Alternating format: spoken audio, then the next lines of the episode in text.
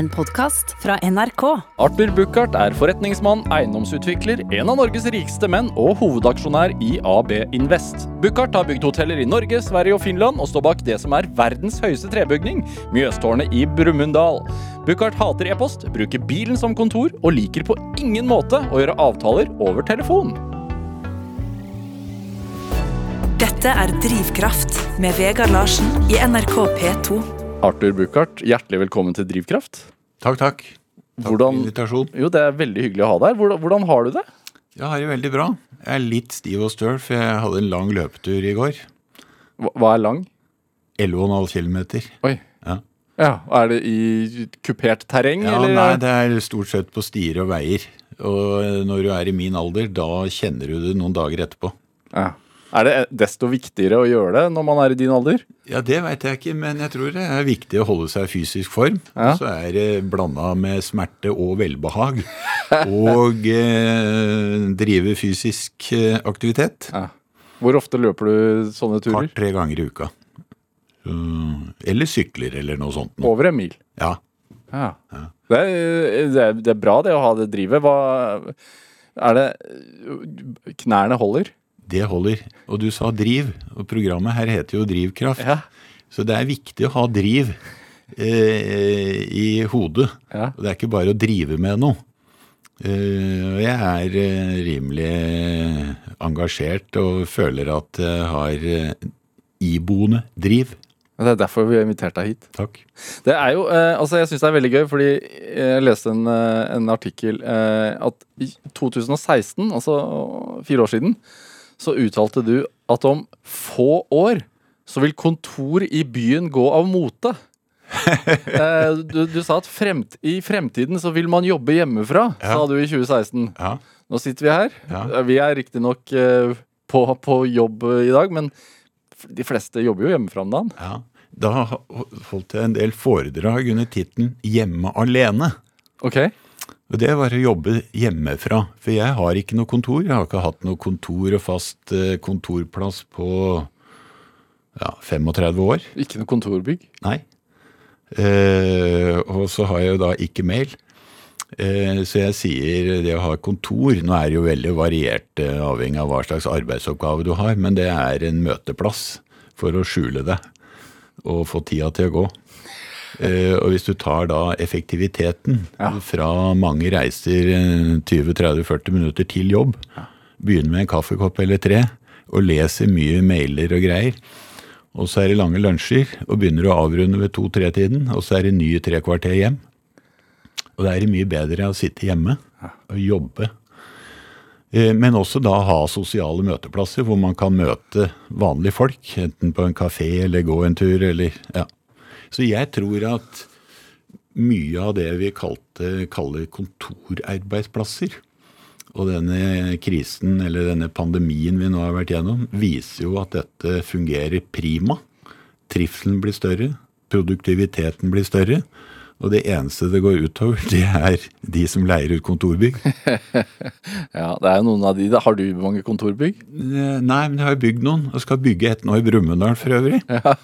Og det skal jeg prøve å gjøre til verdens første kontorbygg i tre, og som lager mer energi enn det bruker. Ja, det, er, det vet jeg er viktig for deg, det vil jeg gjerne prate mer om. Men altså angående det og med hjemmekontor og sånne ting, du, du spådde jo dette i 2016. Det var jo før, før man ante at denne pandemien skulle komme da, og tvinge oss hjem. Men, men øh, tenkte du allerede da, altså var det pga. lønnsomheten du så at uh, Nei, men du må se på liksom hvordan den teknologiske utviklingen går. Og hvis du ser på kontorarbeidsplasser, så sitter jo de fleste ved en skjerm. Nesten hele dagen. Og da tenkte jeg den skjermen kan du jo sitte med hjemme. Og hvorfor skal du bruke halvannen time hver dag for å komme til den skjermen? Hvis du allikevel kan gjøre samme oppgave hjemme. Og dette tror jeg vi har bare sett begynnelsen på, altså. Men tror du ikke noe forsvinner når man ikke har den der sosiale omgangen på arbeidsplassen? da? Ja, men det er jo ikke sagt at du skal sitte hjemme alene hele dagen. Du kan jo dra på en kafé, møte folk. Eh, så det sosiale skal ikke bli borte. Ja.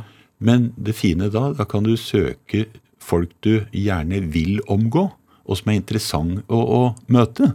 Ikke nødvendigvis den som sitter på andre sida av veggen eller pulten din. For det er ikke sikkert de er interessante.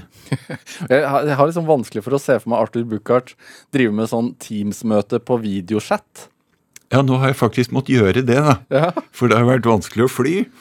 Eh, og det, det er jo en dimensjon som blir borte. Men eh, i forhold til saksbehandling og dokumenter og sånt, så kan du ta det på en skjerm. Men jeg liker å møte folk, prate med folk. Og jeg har jo reist ja, jeg har jo reist til Tromsø eller Helsinki eller København for å prate med folk i 18 minutter. Og så drar jeg med igjen. Hva slags samtale er det da? Nei, det er, øh, det er ikke stevnemøter, men det er for å komme til kjernen og få avklaring med folk om hva det dreier seg om, og om vi skal fortsette eller ikke fortsette. Ja. Og det klarer du ikke på telefon eller øh, på mail. Du må møte folk. Har du et eksempel på det? Altså, fordi du, du nevner at du har reist til f.eks. Helsinki. Jeg vet du, du er jo, er jo hotellbygger i Helsinki. Var det, var det Ja, nei, Det begynte jo øh, faktisk med at jeg fikk en henvendelse fra Helsinki Ja. og møtte borgermesteren. Og vi fant fort tonen og ble enige om at dette skal vi gjøre. Eh, Men du kan jo også dra til et sted og finne ut fort at vi ikke finner tonen, og at vi ikke skal gjøre det. Er det derfor du vil møte dem? Ja, Du ser det i øya. mye bedre. Hva slags, hva slags type er Ja, dette? det merker du fort. Og det er rare for, Og det eh, Noen kommuner så, så får du ikke møte. Nei. De tør ikke. Eh, Så du merker veldig kulturforskjell altså, i kommuner, men det gjelder også bedrifter. Folk flest, så liker jeg å møte dem. Har, har det skjedd at du har hatt planene klare, altså møtt noen, og så har du tenkt i ettertid sånn Nei, dette var ikke noe for meg. Nei, det har ikke skjedd. Det har ikke skjedd. Men eh, som vi snakket om før vi begynte her, så er jo du fra Sarpsborg. Ja. Og Jeg har bygd et hotell i Sarpsborg. Og man fikk da en henvendelse fra ordføreren i Sarpsborg, Jan Engsmyr. Og vi fant Tidligere ordfører? ja, tidligere, ja. ja. Vi fant tonen med en gang.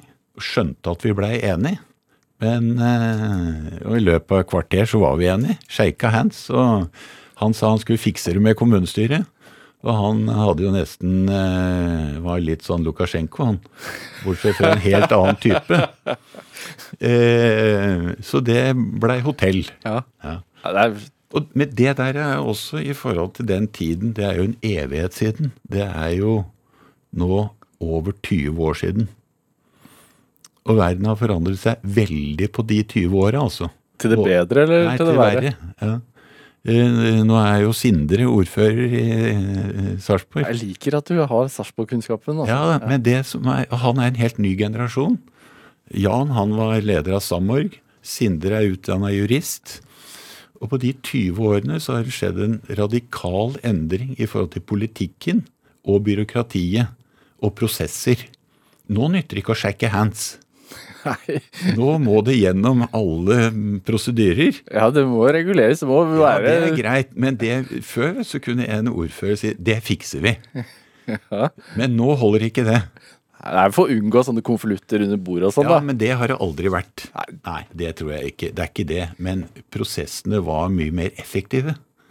Og eh, hvis man fikk, eh, hadde posisjon, så kunne man få en tydelig indikasjon. Det var ikke noe vedtak. Men eh, dette skulle sikkert gå i orden.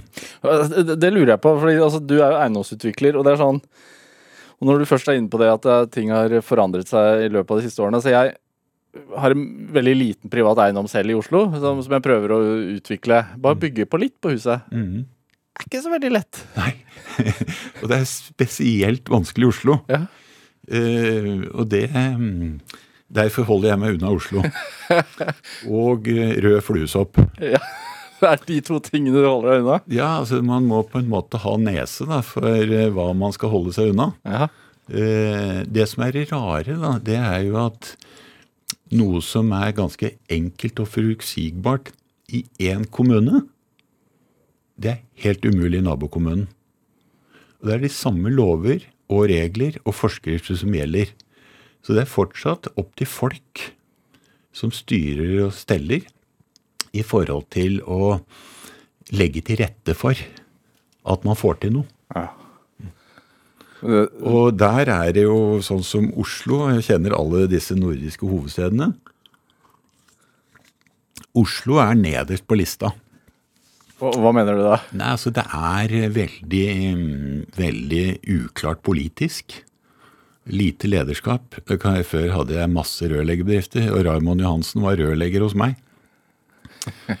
Så, og det, hvis det er lite forutsigbart, så holder man seg unna.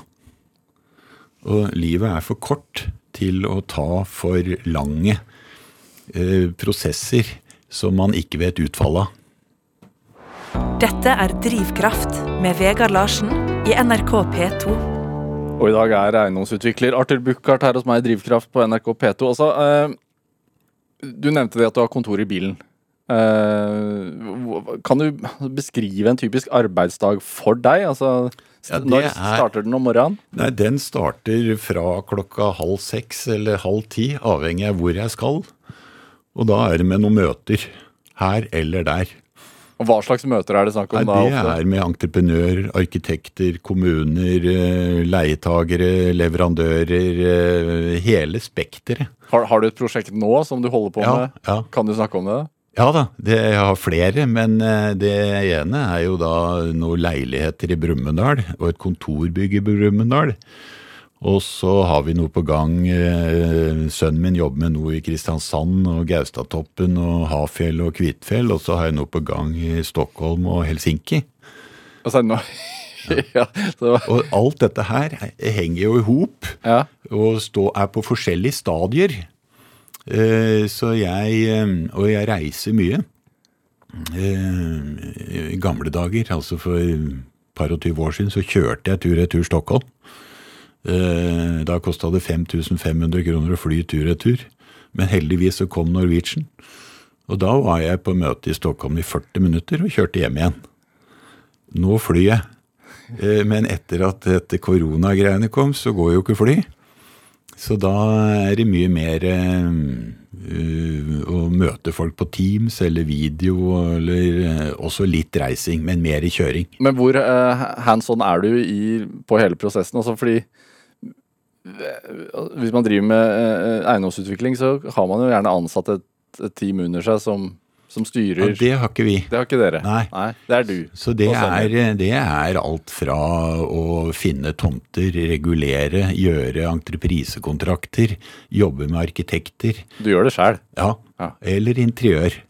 Interiør òg. Ja nå er jeg farveblind, så jeg spør jo noen folk om farver, da. Men eh, prøver å sy sammen pakker. Og driver med innkjøp og ned til dørhåndtak og gardiner og stoler og ja. Hvorfor er det viktig for deg? Nei, det er gøy. Ja. Jeg liker det. Og så er jeg ganske økonomisk, så jeg liker å forhandle. Og sy sammen pakker. Og shaker hands. Og, Og, og den forhandlingen, kan den gå Altså, du nevner at du er involvert i bare altså interiør, til, til og med dørhåndtak. ja. Kan det være sånn at du forhandler rett og slett om dørhåndtakene? ja eh, eller døra. Ja. Eller vindu. ja. Men dette går jo inn i et prosjekt da, som munner ut i én kontrakt med en totalentreprenør. Ok, ja. Og så øh, Jeg kjenner jo alle disse leverandørene. Vi har hatt forhold i mange år. Øh, Så det er en veldig enkel og hyggelig prosess. Og jeg har jo lært meg det at øh, folk er mye øh, snillere og greiere hvis det er hyggelig. Eh, og så skal alle tjene penger. Eh, men som jeg sier, altså, jeg er veldig lett å betjene, så markedsutgiftene til meg, de kan du trekke bort. Det er jeg som kommer til deg, så ingen reiseutgifter heller. Og ofte har jeg med meg bløtkake eller julekake. ja. Det er viktig. Ja. Det er viktig å ha det hyggelig, at folk trives. Når lærte du det? At det var fint å ha med en kake når man traff hverandre? Nei, altså Det var når jeg var rørlegger. Da hadde jeg julekakemetoden, for jeg prøvde å få nye kunder. da. Ja. Og eh, ni av ti nordmenn liker julekake. Og hvis du sier 'jeg har med julekake hvis du holder kaffe', da får du fort en halvtime. Men altså, jeg, trodde ikke du hadde jobba som rørlegger. Jeg trodde du bare hadde drevet bedriften. Ja, nei, men jeg, jeg jobba ikke som rørlegger, jeg bare dreiv som rørlegger. Jeg hadde mange kunder. Ja. Og da går det jo på kontakt, og som jeg sa den gangen, vi er ikke verdens beste rørleggere, men vi er verdens hyggeligste. og det kommer du langt med. Ja. Er det altså sånn eh, du, du eier jo eh, masse hoteller i dag. Eh, er, har jeg talt riktig hvis, det, hvis, det, hvis de har talt til 11, eller er det Ja, men vi er mer enn det. Men vi har jo bygd over 20. Ja. Ja. Og solgt noen, da. Solgt noen. Og noe kontorbygg. Ja. Men er det, stemmer det at du prøver å bygge ett i året? Eller er det bare, Nei, noe, altså, det er det bare noe som har blitt sagt? Ja, det er bare noe som har blitt sagt. Men, men eh, det kan være to, eller det kan være ingen. Eh, og det å bygge et hotell eh, kan jo si at eh, det er jo ting vi har holdt på med i sju-åtte år før vi begynner å spa. Og da tar det ti år. Og det er en sak nå i Helsinki. Det tror jeg ikke er ferdig før om fem år. Nei, hva er det som tar, det som tar sju år, da? Nei, det kan være at man må fylle ut et øh, vann i vann. Og da må det en tillatelse fra miljømyndighetene, så må det reguleres, og så tar det 36 måneder å bygge 40 etasjer. Så det tar tid. Og da er det også å ha den utholdenheten som er viktig. Ja.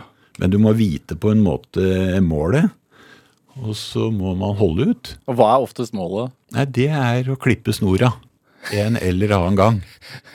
Er du da ferdig? Da er jeg ferdig. Da er du ikke så engasjert i prose- Ja, nei, men da har vi leid det bort. ja.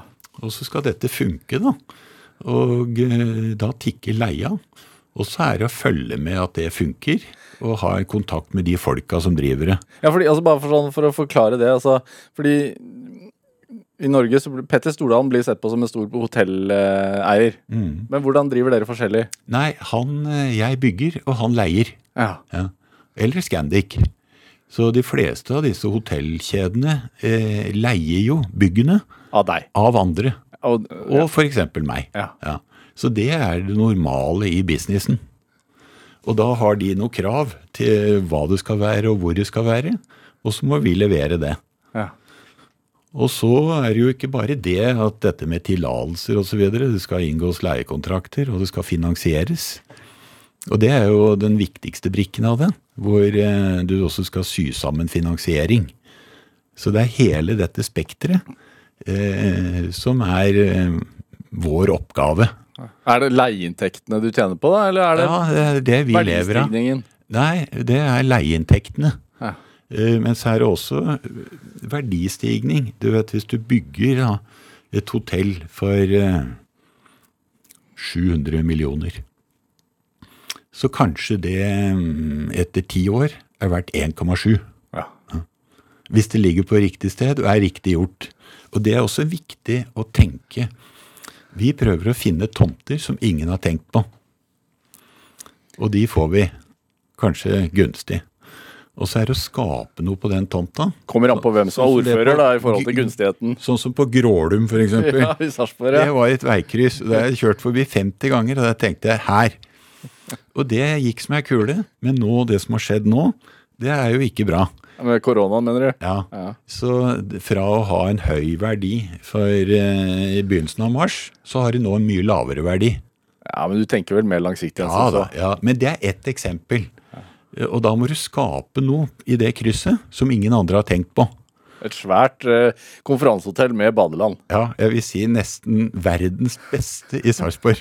Ja, det er, det, I Sarpsborg er det verdens beste. Ja, det, ja, ja. Såpass skal du Og få. det er den viktigste møteplassen i Østfold. Ja. Ja.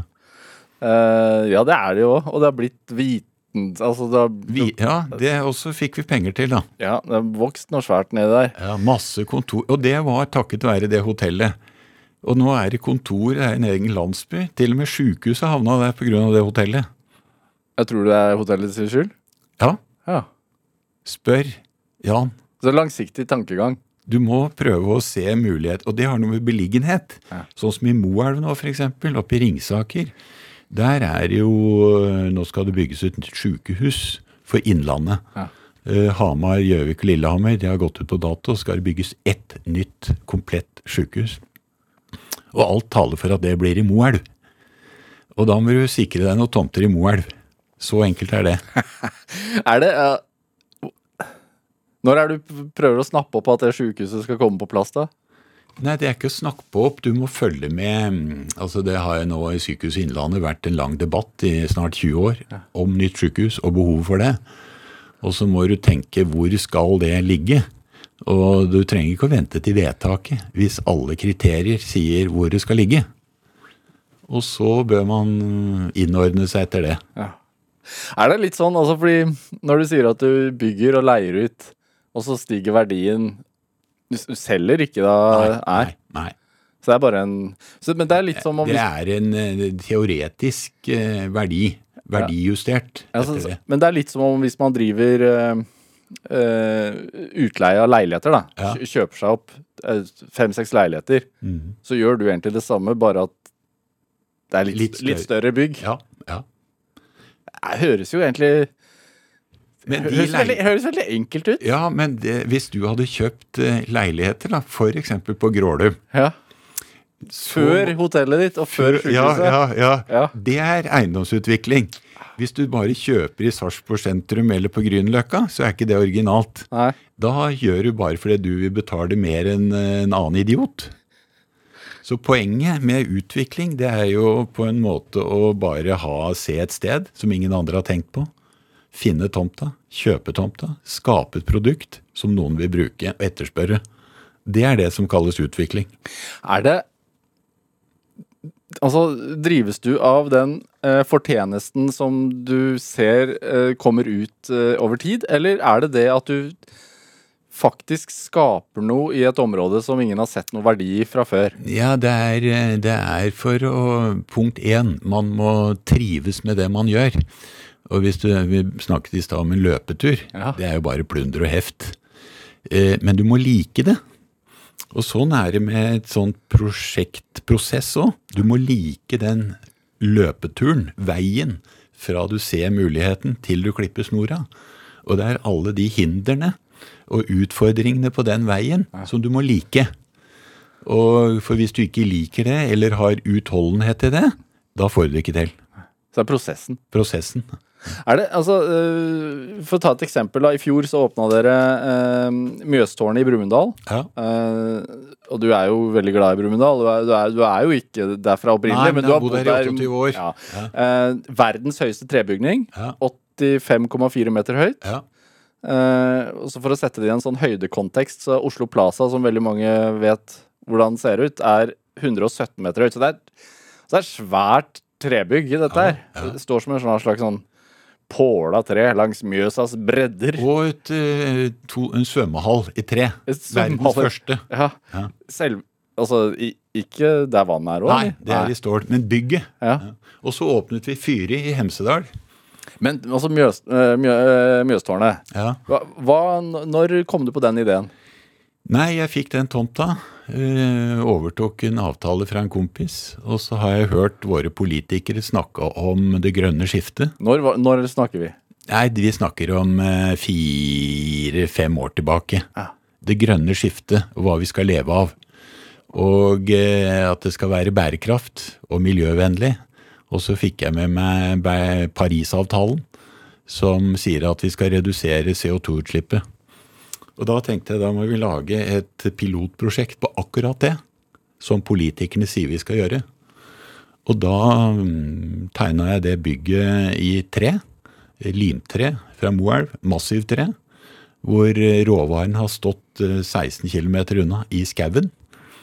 Og så frakta til Moelv, og så har det blitt limtre, og så har det blitt bygd dette her. Og så er det da mm, møbelstoffer fra Lillehammer, eh, Gudbrandsdal Ullvare. Og så er det møbler fra Dokka. Og så er det skifer fra Otta. Og så er det gulvbord fra Alvdal. Eh, Og så er det energi fra et eh, biofjernvarmeanlegg. Så dette er akkurat det politikerne sier vi skal gjøre. Og eh, alle disse parlamentariske lederne har jo vært der. På morgenen i dag prøvde jeg å ringe Trygve Slagsvold Vedum. For nå er det noen som prøver å ikke leve opp til det de sier de skal gjøre. Så eh, det er eh, Det var bakgrunnen for at jeg bygde Mjøstårnet. Å vise hva politikerne sier vi skal gjøre, og vise hva Innlandet har av kompetanse og materialer. I tillegg eh, å sette Brumunddal på kartet og Ringsaker på kartet. Ja, fordi det nest høyeste trebygget i, i, i verden er 1,4 meter lavere. Ja, Så det er viktig med den 1,4 ja da, ja da. Det er akkurat som i høyde, det. Ja. Altså, du, hvem som hopper 2,34, det er ikke så nøye. Ja. Hvis du hopper 2,36 Men var det, gikk det liksom en sånn man sier, gikk det liksom fanden i deg? Sånn, ja, nå, de, de sier Ikke det fanden, Nei, men du må være litt, litt da. Hva sa du nå? Nå spraka det i telefonen Nei, i mikrofonen din. Nei, du må tenke litt. Ja. Og så, hvis du bygger verdens nest høyeste trehus, Ja. da um, skriver kanskje Hamar Arbeiderblad om det. Men hvis du bygger verdens høyeste, så får du da eh, New York eh, Design Award. Mm. Ja, for da syns det hele verden. Du sa at du tegna det sjæl. Ja. Eh, På en papirlapp eller serviett. Og jeg lager ofte noen skisser tidlig eh, som jeg gir til en arkitekt. Og så drodler vi rundt det, og så utvikler det seg. Hvor lang tid bruker du på en sånn skisse? da? Nei, det er ikke mange minuttene. Eh, så Det varierer litt, men jeg har alltid noen lapper liggende. Og det begynner med enkle skisser. Er er det ja, for, for du, du driver og holder på med det, tegner litt. Du skulle egentlig vært arkitekt, eller? Ja, altså jeg, det var jo en drøm en gang. Men jeg hadde blitt en veldig dårlig arkitekt. Nei, hvorfor det? Nei, for det krever fordypelse og tålmodighet ned i alle detaljer. Ja. Så eh, jeg har den største respekt for arkitekter. Og har jo brukt alt fra eh, Frank Gehry til eh, og de Moron og Snøhetta til eh, Vold arkitekter og Nordic og hele faderuttan. Er det litt fordi at du syns det er fascinerende? Altså Mye flinke folk, altså. Ja. Mye flinke folk. Men det, Unnskyld at jeg avbryter deg nå, men hva er det som er så fascinerende med arkitektur og bygg, da? Nei, det er jo at uh, du former noe og bygger noe, og så står det der i 140 år. I tillegg så skal det brukes hver dag. Og aller helst skal folk trives der. Og aller helst så skal det ha økonomisk bærekraft. Og det må jeg si, siste åra så har jeg blitt mer oppmerksom på dette her med miljødimensjonen. Og det fotavtrykket eh, som bygg skaper. Og eh, mener at politikerne er på rett spor, men eh, de følger ikke opp i praksis eh, hva de selv sier vi skal gjøre. Eh, og hvis du sier på en måte at nå er det påbudt med bilbelte, så bruker til og med politikere det. Men eh, hvis vi har eh, miljømål knytta til bygg, da følger ikke politikerne opp det. Se på Y-blokka si! Så se på Ja, det er et eksempel som, eh, som eh, kommer til å gå over historien som en kulturpolitisk katastrofe. Eh, Burde ikke, altså du, du, du, du sa rett før her at du prøvde å ringe Trygve. Altså Trygve Slagsvold Vedum, da. Jeg, jeg liker at du bare på veien dit prøvde å ringe eh, lederen for Senterpartiet for å Skulle du sette ham på plass, eller hva skulle Nei, jeg skulle bare forklare, forklare hvor, et eksempel på forskjell mellom liv og lære. Ja, Er det, er det Hva er forskjellen på det og sette på plass? Ja, Det setter på plass. Da forteller du hva de skal gjøre. Ja. Men hvis du belyser forskjell mellom liv og lære, da skjønner folk det sjøl. Ja. Ja. Og apropos Y-blokka, ja. så var jo den, vet du, i juni 2011. Da var den klar til fredning hos Riksantikvaren. Det var bare underskriften som mangla. Og så skjedde det. Det skjedde 22. juli. Og så har jo tiden etter det Det ble lagd et romprogram for nye regjeringskvartalet i, for ti år siden. Og det romprogrammet har, lever ennå. Og hvis man går inn i det nå, så viser det seg at det romprogrammet har gått ut på dato. Hva, hva er et romprogram? Det sier om hvor mange som skal arbeide der, Ja. av arbeidsplassen sin, og hvor mange kvadratmeter hver enkelt ansatt skal ha. Det blir et romprogram. Apropos det vi startet med, Ja. Om arbeidsplasser og hjemmekontor osv., så, videre, så ser det helt annerledes ut i dag. Og det kommer til å se enda annerledes ut i 2030. Og når du former et regjeringskvartal, så må du forme det for fremtiden. Så Det viser seg da at det romprogrammet som er ti år gammelt, det har gått ut på dato. Og det romprogrammet sa, av sikkerhetsmessige grunner, så må vi rive Y-blokka. Det gjelder ikke lenger. Eh, men allikevel så er byråkratiet slik, selv om da fylkesmannen har sagt dette bør ikke rives, byantikvaren har sagt det, byplansjefen har sagt det, osv., så, videre, så henger ikke disse politikerne med. Så de lever i det bildet da, som ble startet for ti år siden, og så glemmer de Parisavtalen. For det mest forurensende du kan gjøre, det er å rive eksisterende bygg og bygge nye. Det sier eiendomsutvikleren. Ja, det mener jeg. Uh, og det er altså, og det har jo sondert dette terrenget. Erna Solberg har forbanna seg på at det skal rives. Derfor blir det sånn. Ja. Og det er trist. Tror du det er, altså, Nå er jo ikke Erna Solberg her til å forsvare seg, for å si det sånn, men tror du det er det som er grunnen? Gjør en analyse Ja. i dette, eh, dette landskapet, så finner du ut det. Ja. Og det er jo Det er trist rent eh, historisk i forhold til da institusjonen regjeringskvartalet, hvor Breivik ville ødelegge det anlegget, og det har han klart. Med god hjelp. I tillegg så var det kultur og kunst der, som var en del av helheten. Eh, internasjonale organisasjoner og institusjoner har sagt at dette er galskap.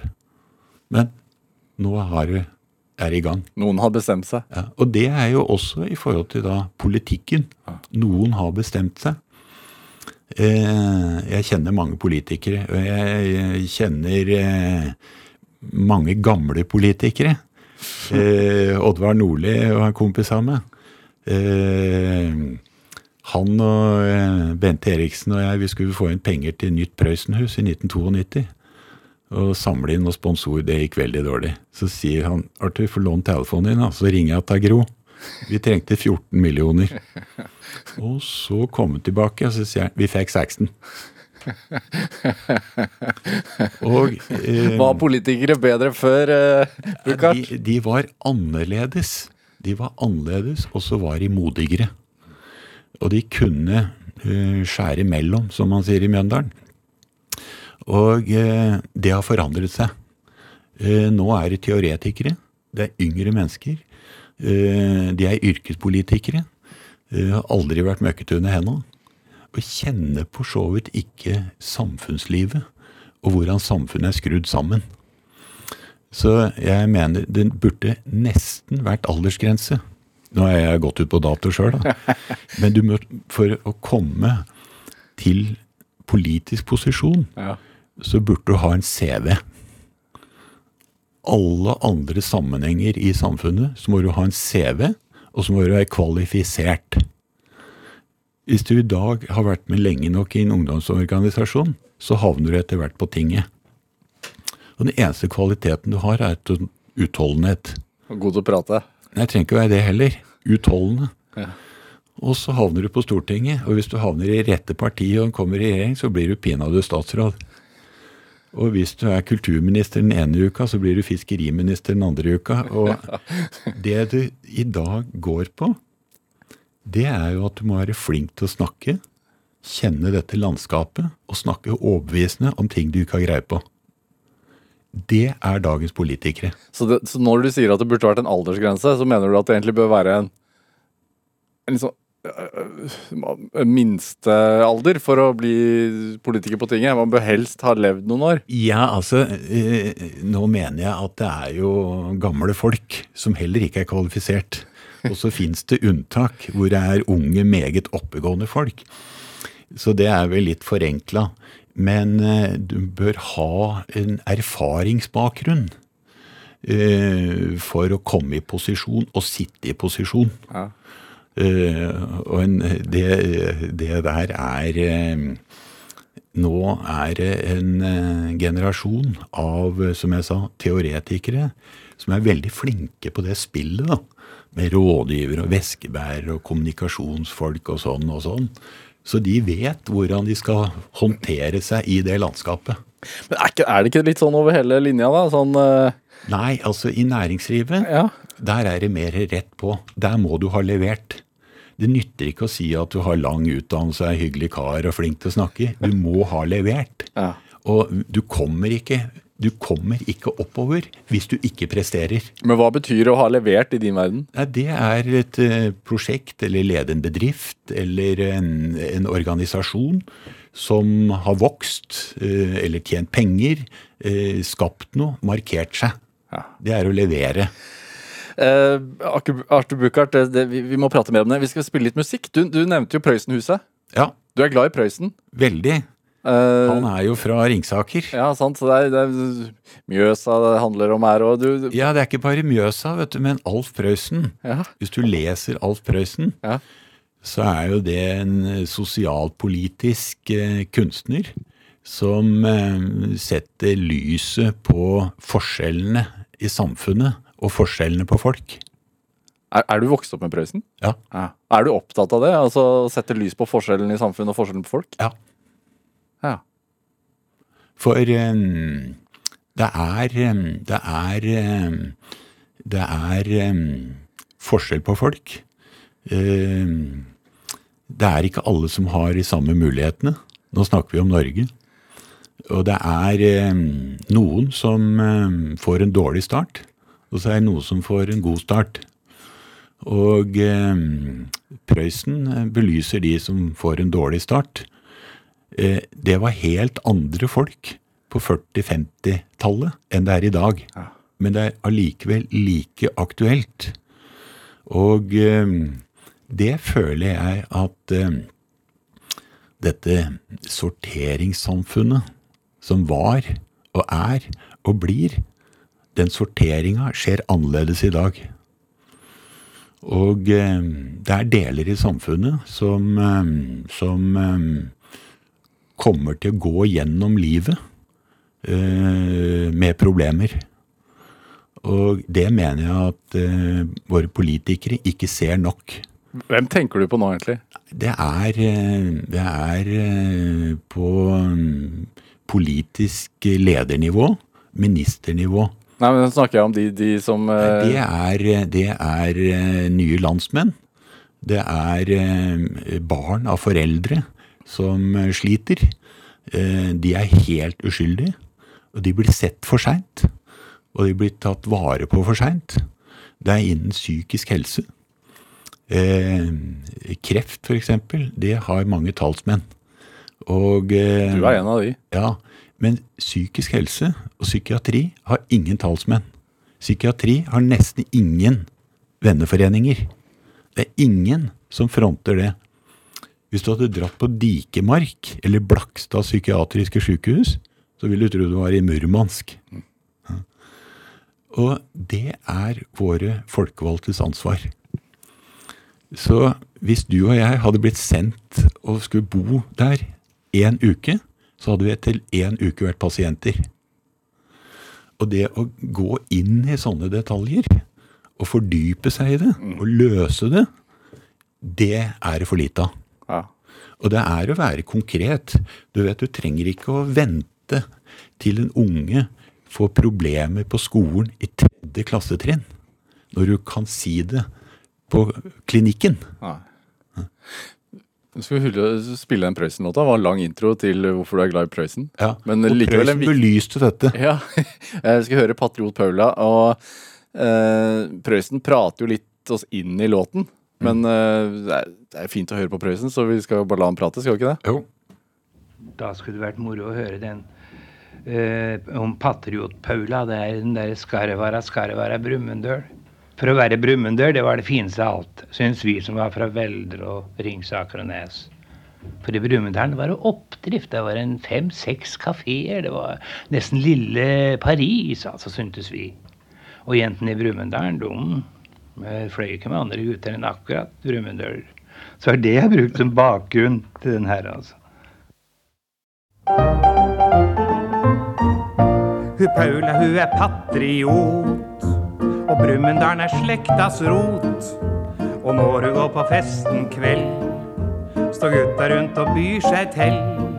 Ifra Stange og Veldre og Velset og Vang, og de ber på sine kne. Men av Paula kaster på nakken sin og gir om rein beskjed at det være, det være Brumunddøl, Brumunddøl som jeg er sjøl. Han kan godt være spikinn og tynn som ei fjøl, men det være, det være Brumunddøl. Hun Paula har fått høre mye om at du er forskaut og kry. Hun skaffer far sin gråe hår, og mora sier før hun går at både stang og velder og velsett og vang snur deg rygg i en, to, tre. Og så sitter du der med et barn på fang, ja, det kan sikkert skje. Men skal det være, skal det være Brumunddøl, Brumunddøl som jeg er sjøl. Han kan godt være spikinn og tynn som ei fjøl, men skal det være, skal Brumunddøl. Nå er ei Paula gift for godt, og fire døtre har hun fått. De bor i hvert sitt jomfrubur, mens fire friere ligger på lur. Ifra Stange og Veldre og Velset og Vange Ja, du fikk eh, Patriot-Paula av Alf Prøysen her i Drivkraft på NRK P2, og, og låta er valgt av dagens gjest her i Drivkraft, som er forretningsmann og eiendomsutvikler Arthur Buchardt, eh, som er veldig glad i Prøysen. Ja. Var en gang med i tiden å, å øh, finansiere et Prøysens-hus. Ja. Hva var historien bak det? Nei, det var jo at jeg hørte at eh, man ikke skulle hedre Alf Prøysens 100-årsminne. Og da dro jeg innom eh, Ringsaker kommune og snakka med noen folk. Og så sa jeg da kan jeg lage Prøysenhus. Du, altså, da ble du, du ble irritert der, Ja, ja, ja, det går ikke an, altså. altså hvis man gjør det for eh, Grieg og Ibsen, og, eh, så må det også for Alf Prøysen. Ja. Eh, men det er litt typi- typisk, for Alf han eh, vokste jo opp med lua i handa. Eh, og så fikk jeg Snøhetta til å tegne et bygg, eh, som ligger da oppe på Rudshøgda. Og da kom eh, Jens Stoltenberg, han var statsminister, og la ned grunnstein 23.07.2013 klokka 13. Eh, og så kom stortingspresidenten og åpna det 23.07.2014 klokka 14. På 100-årsdagen. Ja. Og eh, bedre mm, bursdagspresang kunne vi ikke gi han. Nei. Er det, altså, du hørte på Prøysen på Barnetime for de minste. Ja, da du var barn, Ja. rett og slett? Ja, Toåringen din og humpetitten og Men da skjønte ikke jeg Da trodde jeg at Alf Prøysen bare var moro og barnetime. Ja. Men i voksen alder så har jeg skjønt i forhold til dette sosialpolitiske og menneskelig. ja. Du, altså, du er, du er jo fra Drammen, men Født i Drammen, ja. Øh, Og så har du vokst opp litt på Nesodden, og så Brumunddal. ja. Og eh, faren din eh, Var det pga. jobben Ja. hans at dere flytta der? Ja. Han, var, han var personaldirektør i, i Berger Langmoen. ja. Eh, trelast. Og var personalmann. Ja. Hva vil det si? Nei, det var en som øh, Nå heter det HR nå. Ja. Ja, det, det har med ansatte og lønninger og sosiale forhold og sånne ting. At uh, dette skulle fungere med den menneskelige siden i en bedrift. Er det han som har gitt deg den, hva skal man si, sosiale ja, samvittigheten? Ja, jeg tror det. Eh, Men jeg har jo også bodd mange år på Nesodden og i Brumunddal og møtt mange mennesker. Og eh, mange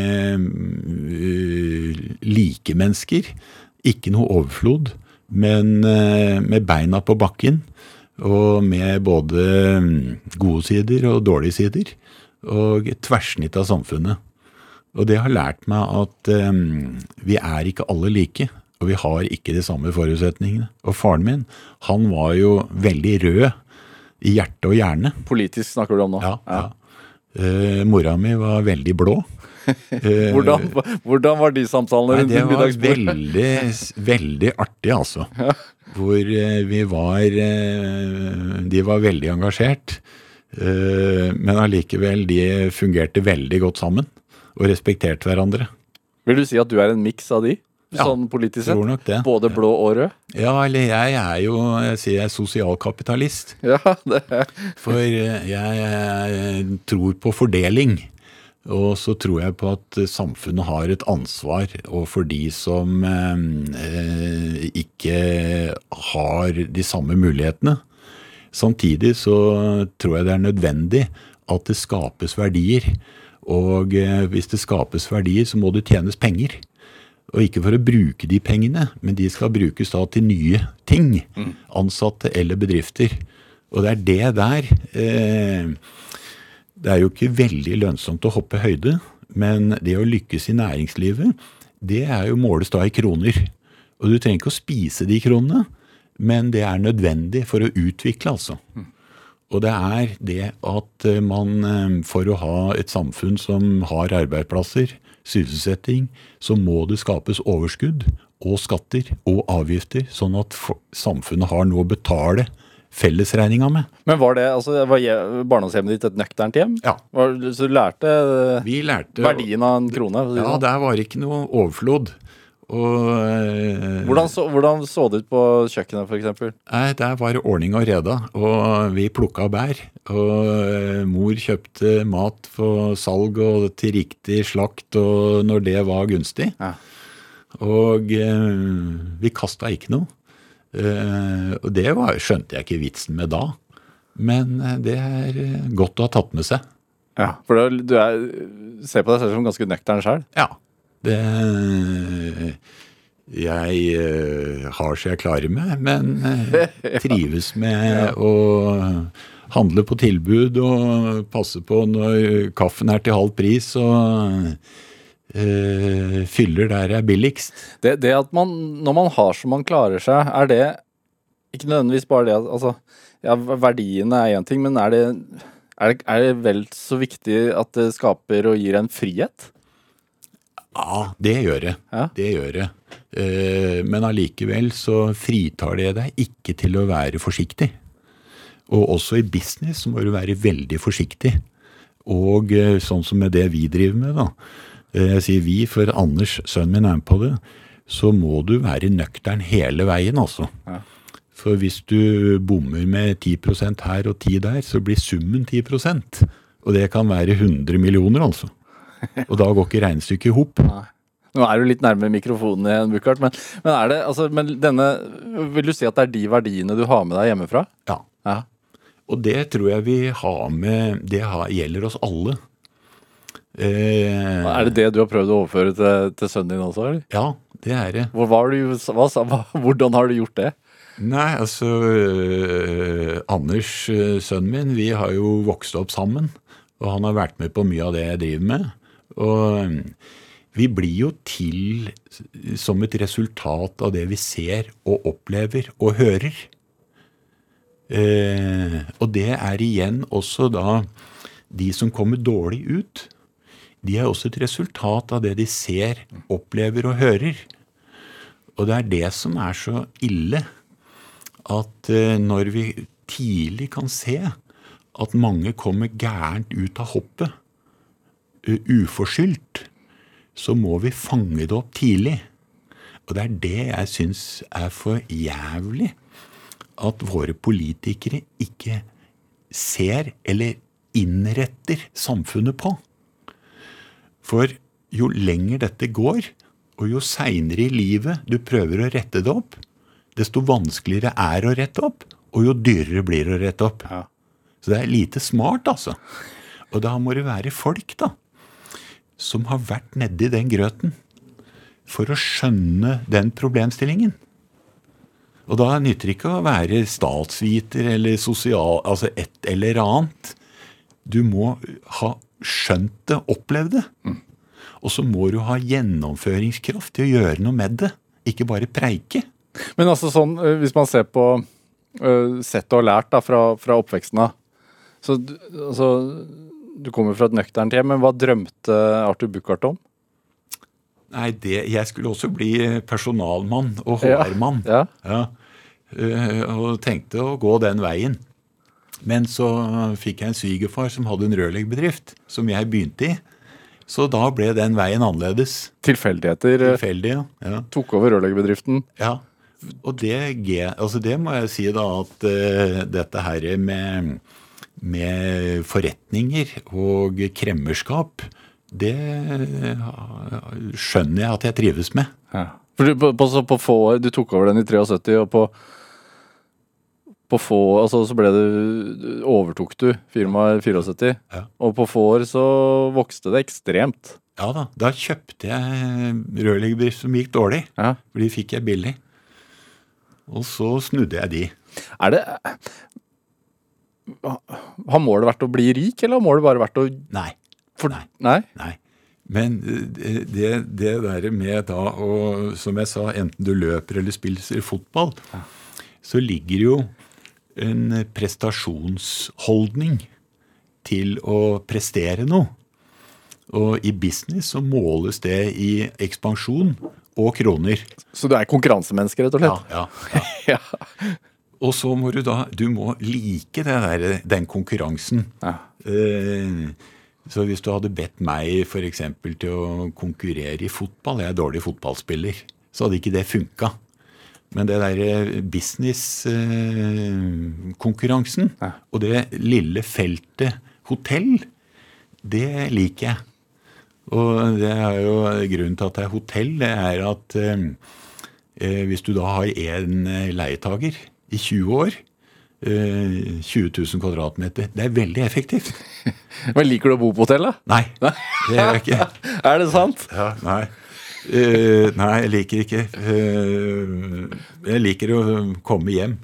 Men også det jeg, når jeg, jeg eh, ser så mye jeg irriterer meg over Å, ja. hotell. Ja, Hva, hva da? Nei, det kan være lamper og puter og øh, flekker og at ting øh, ikke står der de skal. Da får jeg ikke sove. Er det sant? Ja. Nei, hva? Da- hvis, hvis, det er, hvis det er ditt hotell? ja. Da, Eller andre så. Du skjønner ikke sant hvordan dette skulle ha vært. Og- hva gjør du da? Nei, da- Ringer du, ringer du Ja, da tar jeg bilder. Ja. Eller og sender bilder. Ja. Og det er grenser noen steder til at folk eh, overført at du ikke tørker deg i rumpa når du har vært på do, altså. Er det Faen meg. Men er du, er du perfeksjonist, da? På de tingene er jeg Ja, det. ja. Eh, så, og det, det må man jo både ta inn over seg, så det går ikke på at, eh, at eh, det skal være helt 100% men hvis bilen din er møkkete, så må du vaske den, altså. Og det kan du se, apropos bil, du kan se en drosjebil. To like biler. Den ene er møkkete og jævlig og lukter surt. Den andre er like ren og strøken og fin. Ja. Og det er samme bil. Samme produkt. Du tar den rene? Og det gjelder også hoteller. Ja. Er det, når var det du, altså du åpna Var det i 91 du åpna ditt første hotell? Ja, på Hafjell? Hafjell. Ja. Og dette var langsiktig tankegang, altså, som vi har vært innom før. Nei. OL på Lillehammer. Ja, men da OL på Lillehammer kom jo 15.9.88. Og da øh, var det jo noen muligheter. Ja. Da var det en kompis, Bjørn Sund forresten, han som bygde Gardermoen og øh, Ahus og diverse. Han tipsa om en tomt i Øyer, og da kjøpte jeg den. Og så fikk jeg en kar fra Skien til å tegne det. Og jeg hadde aldri, jeg hadde ikke greie på hotell i det hele tatt. Så da var flaksen større enn forstanden. Hvor, hvor mye Hvor mye er Når man er liksom i din liga, hvor mye er sånn tipsing sånn Veldig mye. Det er det. Veldig mye. Og veldig mye av gründervirksomhet eh, starter med tilfeldigheter. Eh, og jeg kjenner jo mange av disse gutta som har fått det til. Det starter med tilfeldigheter, altså. Eh, ett eller to små eh, saker, og så blir det til ti. Og da i ettertid, så mm, når man skal skrive historie, så mm, skriver man at dette var gjennomtenkt osv. Det er ikke, vet du. Men hvordan gjenkjenner man et godt stalltips, da? Nei, altså du har jo mm, Ja, hva mener du med godt stalltips? Nei, sånn et, et godt tips om en tomt, f.eks. Hvordan Nei, altså jeg hadde jo eh, tidligere en telefonsvarer som jeg sa at eh, hvis du har noe Så legger jeg en beskjed. Men hvis du har noe å selge eller verdens beste prosjekt, så ringer jeg ikke tilbake. For jeg, Anders og jeg, vi har jo sondert Norden. Ja. Og så vet vi hvor eh, det er et marked og en mulighet. Og så veit vi hvor de tomtene er. Og så mm, finner vi de sjæl. Så stalltips, det er ikke noe vits i. Nei, ikke Danmark, da.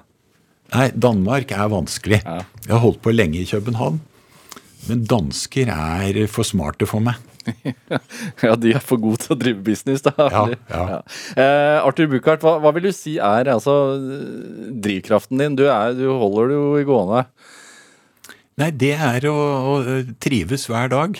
Ja. eh, Fra man står opp til man legger seg. Og da må den hverdagen fylles med noe man liker.